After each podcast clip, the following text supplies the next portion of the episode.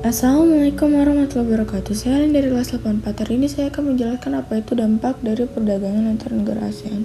Setiap kerjasama pasti memiliki dampak positif dan dampak negatif. Nah dampak positif dari perdagangan antar negara ASEAN adalah satu Meningkatkan produksi dalam negeri. Dua Menghilangkan hambatan dalam perdagangan. Tiga Meningkatkan jumlah pendapatan anggaran melalui ekspor. Nah dampak negatif dari perdagangan antar negara ASEAN adalah satu Persaingan yang tinggi dua pergeseran nilai budaya. Tiga maksudnya kejahatan. Nah segitu saja. Wassalamualaikum warahmatullahi wabarakatuh.